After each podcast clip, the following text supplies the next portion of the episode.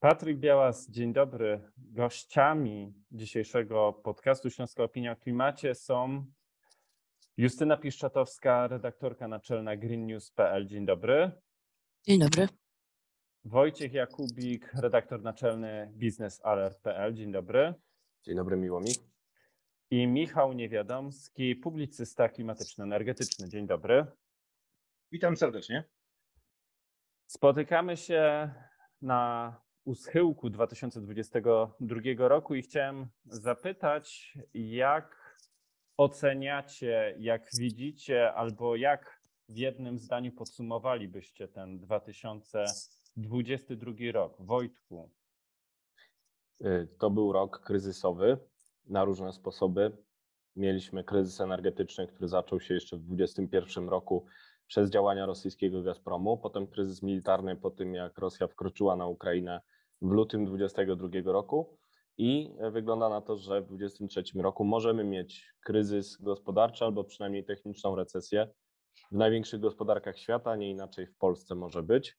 A zatem 2022 rok upłynął pod znakiem kryzysów różnego rodzaju i w naszej dziedzinie e, ten kryzys energetyczny nie jest argumentem przeciwko transformacji, a za transformacją energetyczną widać, że e, Polacy, nie tylko e, kraje Europy Zachodniej, radziły sobie, radzili sobie z kryzysem między innymi poprzez inwestycje w transformację energetyczną energetyki, ciepłownictwa, indywidualne źródła energii i ciepła, które są odnawialne, trudno dostać, mamy przeciążenie łańcuchów dostaw, między innymi przez to, że to jest sposób na obniżenie rachunków w dobie kryzysu energetycznego, więc e, ten rok kryzysowy jest trudny także dla branży odnawialnej, ale chyba bardziej długoterminowo będzie wspierał jej rozwój.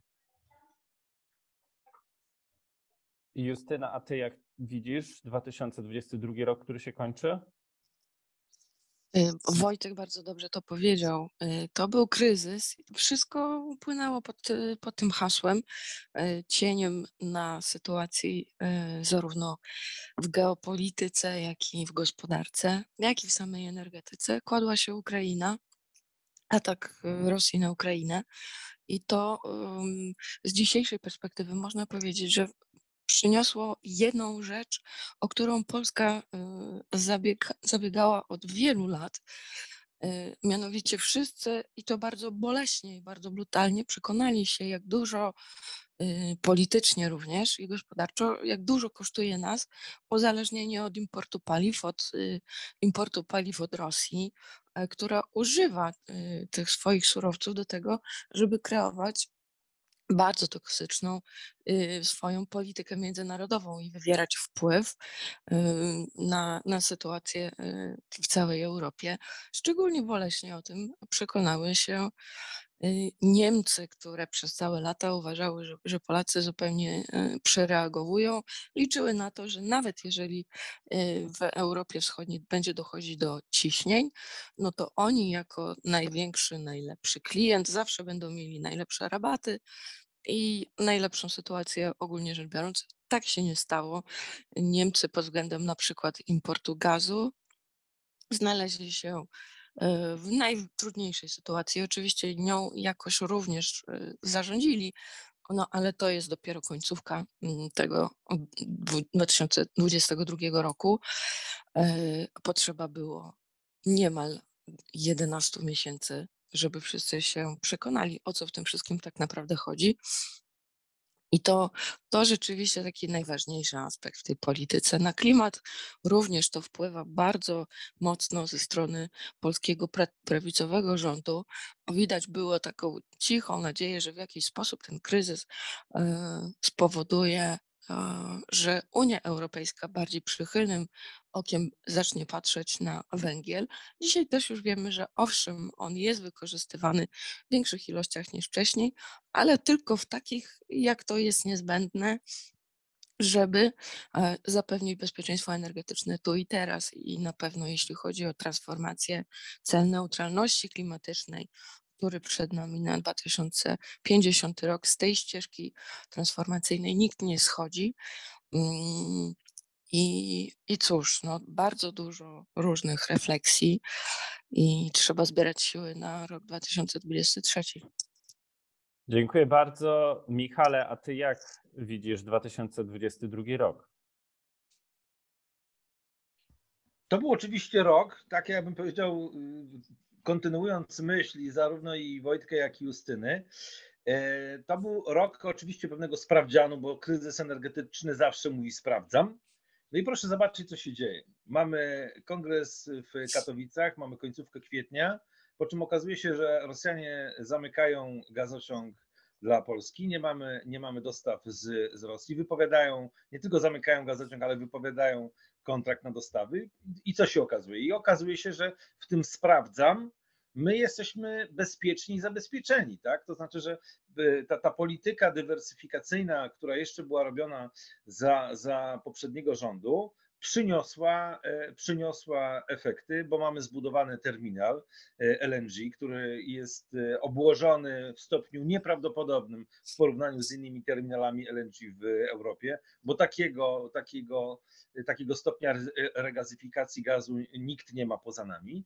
Mam, jesteśmy na, na, na to przygotowani. Z drugiej strony mamy od, odpalany Baltic Pipe z różnymi przygodami, ale gaz płynie, gaz płynie, tak? Więc z jednej strony od strony tej gazowej ten rok pokazał, że inwestycje i polityka dywersyfikacyjna miały sens i, i, i, to faktycznie się udało. No z węglem widzieliśmy, co się działo, bo odchodziliśmy od, od węgla, y, zamknęliśmy wiatraki i to nam niestety wróciło taką czkawką, takim refluksem właściwie, że gdybyśmy mieli moce wiatrowe y, y, zbudowane w Polsce w ostatnich latach, to byśmy nie mieli takiego, takiego problemu z węglem, jak mieliśmy w roku obecnym. Ale koniec końców dostawy zostały zrealizowane. Ci, którzy chcieli ten węgiel kupić, to go kupili. Widzę to nawet po moich sąsiadach tutaj na suburbiach suburbiach Warszawy, że ładują w worki ten ekogroszek, który udało im się za jakąś dopłatą kupić.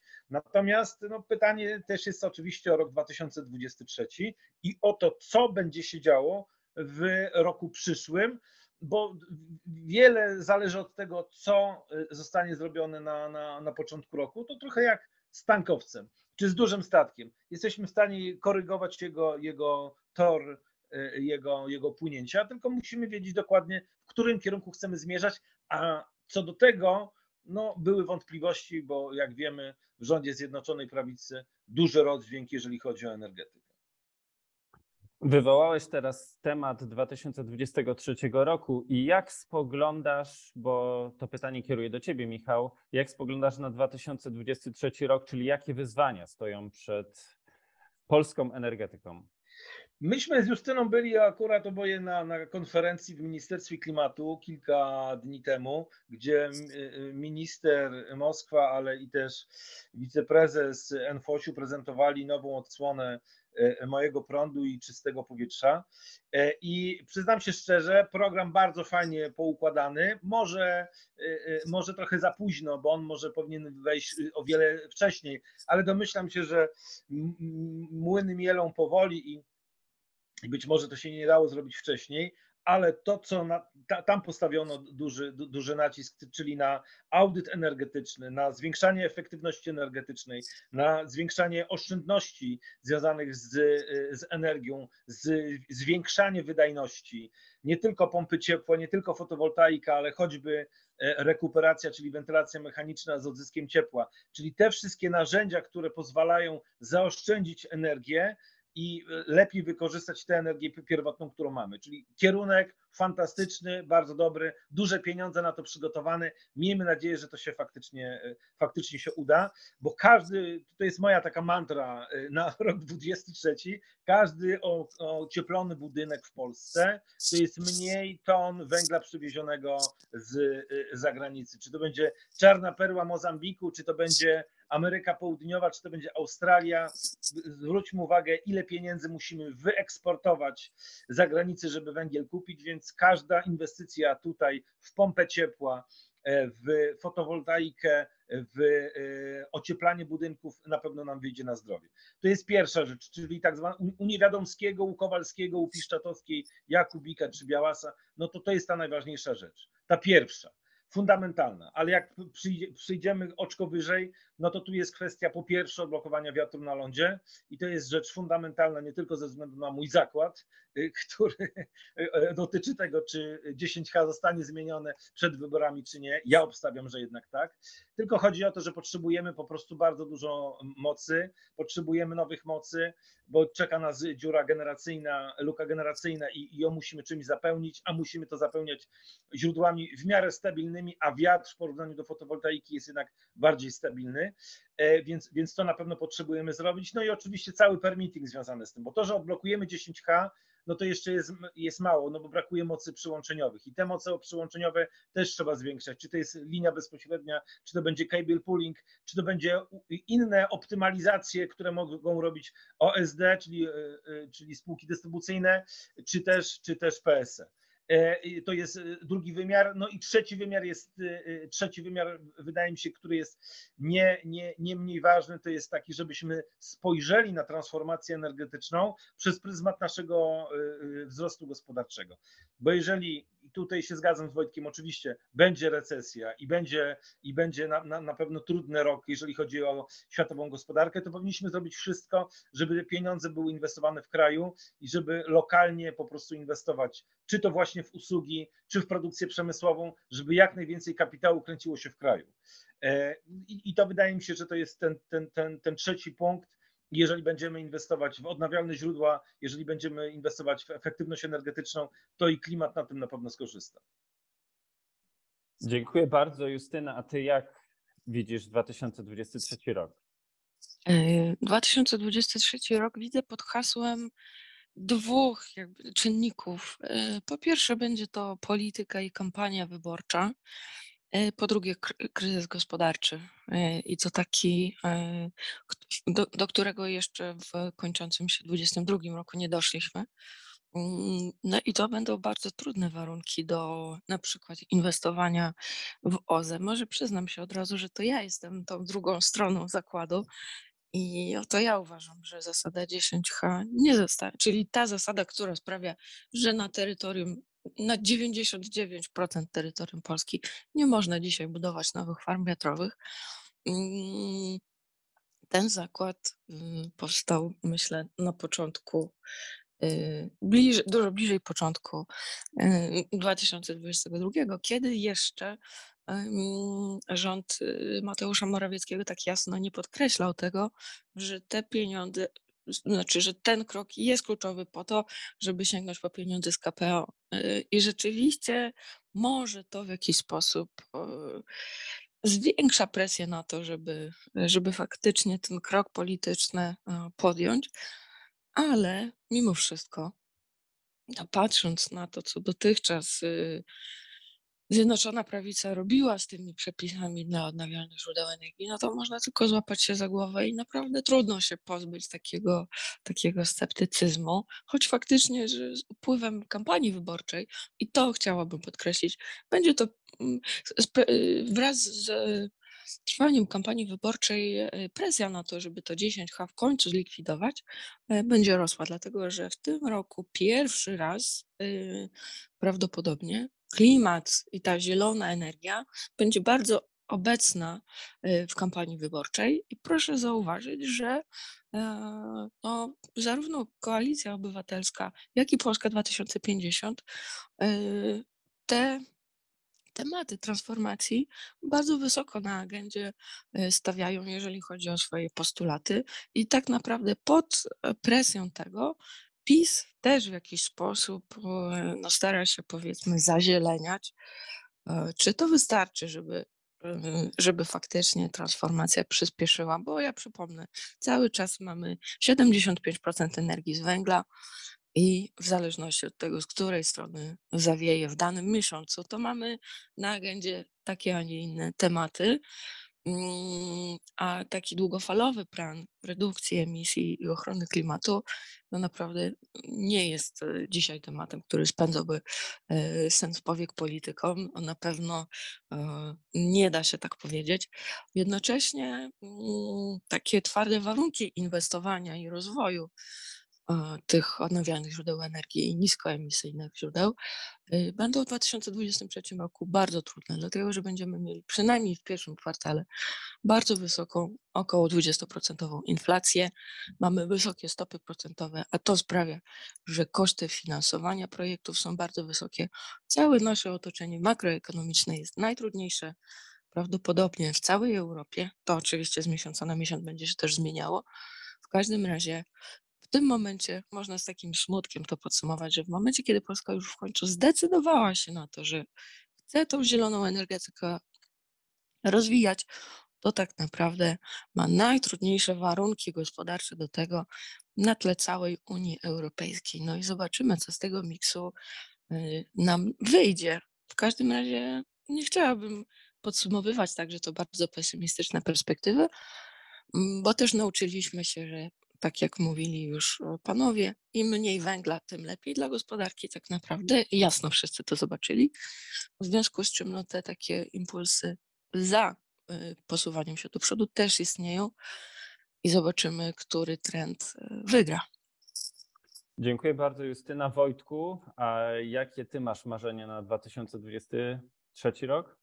Marzenia dotyczą dokończenia budowy domu, z którą będzie problem przez y, zjawisko, które może być widoczne w sektorze energetycznym przez cały 23 rok, czyli niedobór e, materiału, środków na inwestycje y, i problemów y, z dostawami surowców, które będą się być może utrzymywać, zakładając, że gospodarka nie będzie się miała najgorzej. Popyt nie spadnie znacznie, tylko trochę, to wciąż będziemy musieli reorientować szlaki dostaw gazu, ropy. Y, energetyka będzie wciąż wrażliwa na wahania na rynku surowców i z tego punktu widzenia wciąż w 2023 roku będziemy musieli się starać o to, żeby nam nie zabrakło. Cena może pozostać wysoka i będzie się przenosić na całą gospodarkę, bo wiadomo, że ceny surowców i energii są jednym z kluczowych czynników inflacyjnych, tych, które też podkopują rentowność działalności gospodarczej. Dlatego życzyłbym sobie, abyśmy mimo tych trudnych warunków zapewnili bezpieczeństwo dostaw, przy okazji jak najniższą akceptowalną cenę i z poszanowaniem środowiska, czyli właśnie inwestując w rozwój, Krajowy Plan Odbudowy, o którym mówiła Justyna, może nam pozwolić pozyskać dodatkowe źródło e, finansowania. Oczywiście częściowo są to pożyczki, natomiast na pewno lepsze niż e, z Chin, o których niektórzy mówią jako alternatywie i to jest bardzo śmieszne w 2022 roku. E, I mm, ten kryzys ograniczy nasze zasoby, dlatego każda oszczędzona megawattogodzina to strata Putina, zysk w portfelu, większe bezpieczeństwo dostaw, no i szansa na to, że szybciej z tego kryzysu wyjdziemy, czyli pomimo różnych pokus wyborczych, administracja publiczna powinna zachęcać do oszczędzania. E, jeżeli nie robią tego do końca skutecznie ceny, bo będą mrożone za w sumie 69 miliardów e, złotych, jak poinformowało mnie Ministerstwo Klimatu, no to y, trzeba to robić administracyjnie. Myślę, że w 2023 roku staniemy przed pytaniem, czy wprowadzać administracyjne ograniczenia zużycia. Będziemy się zastanawiać nad tym, czy dojdzie do dalszej destrukcji popytu, czyli redukcji zużycia przez to, że jest tak horrendalnie drogo, czy będzie jakieś odbicie. No i mamy tutaj szereg niewiadomych, będzie trzeba patrzeć na sytuację w Chinach, Stanach Zjednoczonych, w Niemczech, no i też u nas y, w Polsce, ale y, jeśli chodzi o nasz sektor energetyczny, ta kołderka będzie mniejsza niż do tej pory. Należy spodziewać się różnych cięć wydatków marketingowych, być może mniej inwestycji. E, plus będzie taki, że nie będziemy opowiadać o różnych gazach łupkowych, czyli takich y, PR-owych projektach, które potem nie są realizowane. Widać to na przykładzie SMR-ów, czyli małych reaktorów jądrowych, które były modne przez pół zeszłego roku, znaczy mijającego roku, a teraz w 2023 roku możemy o nich mniej usłyszeć, jeśli nie dojdzie oczywiście do jakiegoś przełomu, e, ponieważ nie ma pieniędzy na takie gadżety, e, trzeba będzie się skupić na e, sednie działalności. No i takie cięcie po krawędziach być może nam się wszystkich, wszystkim przyda w czasach, kiedy konsumpcjonizm każe kupować coraz więcej, coraz to nowsze modele różnych e, rzeczy. Kryzys zmusi nas do racjonalizacji, do przypomnienia sobie o takiej cnocie, e, e, cno, cnocie wstrzemięźliwości, dobrze znanej przecież w naszej części świata. No i tym optymistycznym akcentem kończę moją wróżbę. Dziękuję bardzo. Wróżby dla niektórych są ważne, natomiast ja mam taką propozycję, gdybyście wyobrazili siebie za te kilkadziesiąt godzin, kiedy będziecie składać życzenia swoim najbliższym na przełomie 22-23 roku, jakie jedno życzenie swoim najbliższym na ten 23 rok byście wypowiedzieli? Justyna? Bardzo trudne, bardzo trudne pytanie. Ja życzyłabym wewnętrznego spokoju, również takiego, e, który udaje nam się znaleźć i którego warto poszukiwać w bardzo dynamicznie e, zmieniających się okolicznościach. E, Często, i tego też przekonaliśmy się w 22, e, ludzie w czasie niepewności, już zmęczeni wojną, zmęczeni e, wcześniej pandemią, e, odczuwają niepokój. Wydaje mi się, że, że ten 23 rok to jest, y, to jest czas poszukiwania właśnie tych cnót, takich jak mówił Wojtek, e, wstrzemięźliwość, cieszenia się tymi małymi rzeczami. I okaże się może, że oszczędzanie to jest również coś, co zacznie być w Polsce modne, bo jest tak naprawdę bardzo dobre i ma dla nas e, cały szereg plusów, zarówno w wymiarze osobistym, jak i e, potem makroekonomicznym. Więc wydaje mi się, że ten dystans, wewnętrzny spokój to będą takie kluczowe rzeczy. Ja na pewno będę nad nimi pracowała, to mogę powiedzieć, więc trzymajcie też za mnie kciuki. Dzięki serdeczne. Michale, a ty jakie życzenie najbliższym za te kilkadziesiąt godzin będziesz składał? Pierwsze życzenie to nieustannie od 9 miesięcy, czyli pokoju, pokoju na Ukrainie, bo to, bo to jest szalenie ważne. Widzę, że tutaj u mnie też yy, i zarówno żona, jak i, jak i, jak i dzieci dużo, dużo, dużo o tej Ukrainie myślą i się, i się martwią tym, jakie mogą być następstwa tej wojny. To po pierwsze, a po drugie, tak jak tutaj zarówno i Wojtek i Justyna, ta powściągliwość, więc, więc ja bym powiedział, y, żebyśmy na, na przykład potrafili w przyszłym roku mniej z y, żywności y, zmarnować, a, a więcej zaoszczędzić, tak? Bo, bo mam nadzieję, że, że kryzys się przyczyni do tego, żebyśmy byli w stanie, no dar Boży, jakim jest, jakim jest jedzenie, jednak zaoszczędzić i żeby mniej tych, tej, tej, tego marnotrawstwa żywności, energii było w przyszłym roku. Jak najbardziej. Dziękuję bardzo Wojtku i teraz jeszcze przestrzeń dla Ciebie. Ha.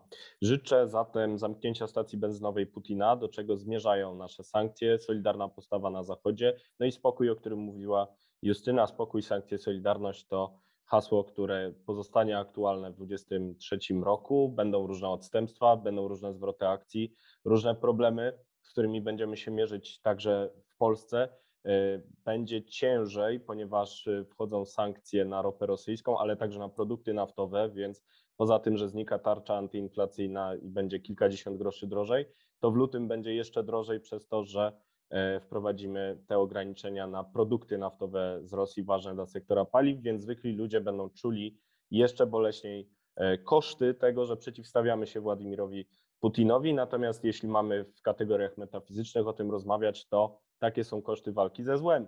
A to zło obiektywnie widać właśnie e, w działaniach e, Kremla, więc życzył będę przede wszystkim pokoju, ale e, takiego, który zakończy się też zwycięstwem sprawiedliwości, czyli być może jakimś trybunałem dla dyktatora. I to oczywiście się zdarzy. Jeżeli się zdarzy, to z korzyścią dla rynku energetycznego, bo jeżeli będziemy w stanie porzucić e, paliwa kopalne z Rosji, no to będziemy też widzieli, że jesteśmy kiedyś w stanie porzucić paliwa kopalne w ogóle.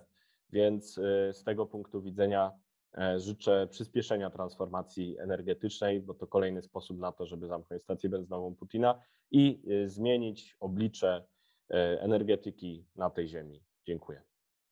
Dziękuję bardzo za tę dzisiejszą rozmowę. Przypomnę, że moimi gośćmi byli Justyna Piszczatowska, redaktor naczelna greennews.pl. Bardzo, bardzo dziękuję. E, Wojtek Jakubik, redaktor naczelny biznesalert.pl. Dziękuję bardzo. I Michał Niewiadomski, publicysta klimatyczno-energetyczny. Dziękuję pięknie. Dziękuję bardzo za rozmowę.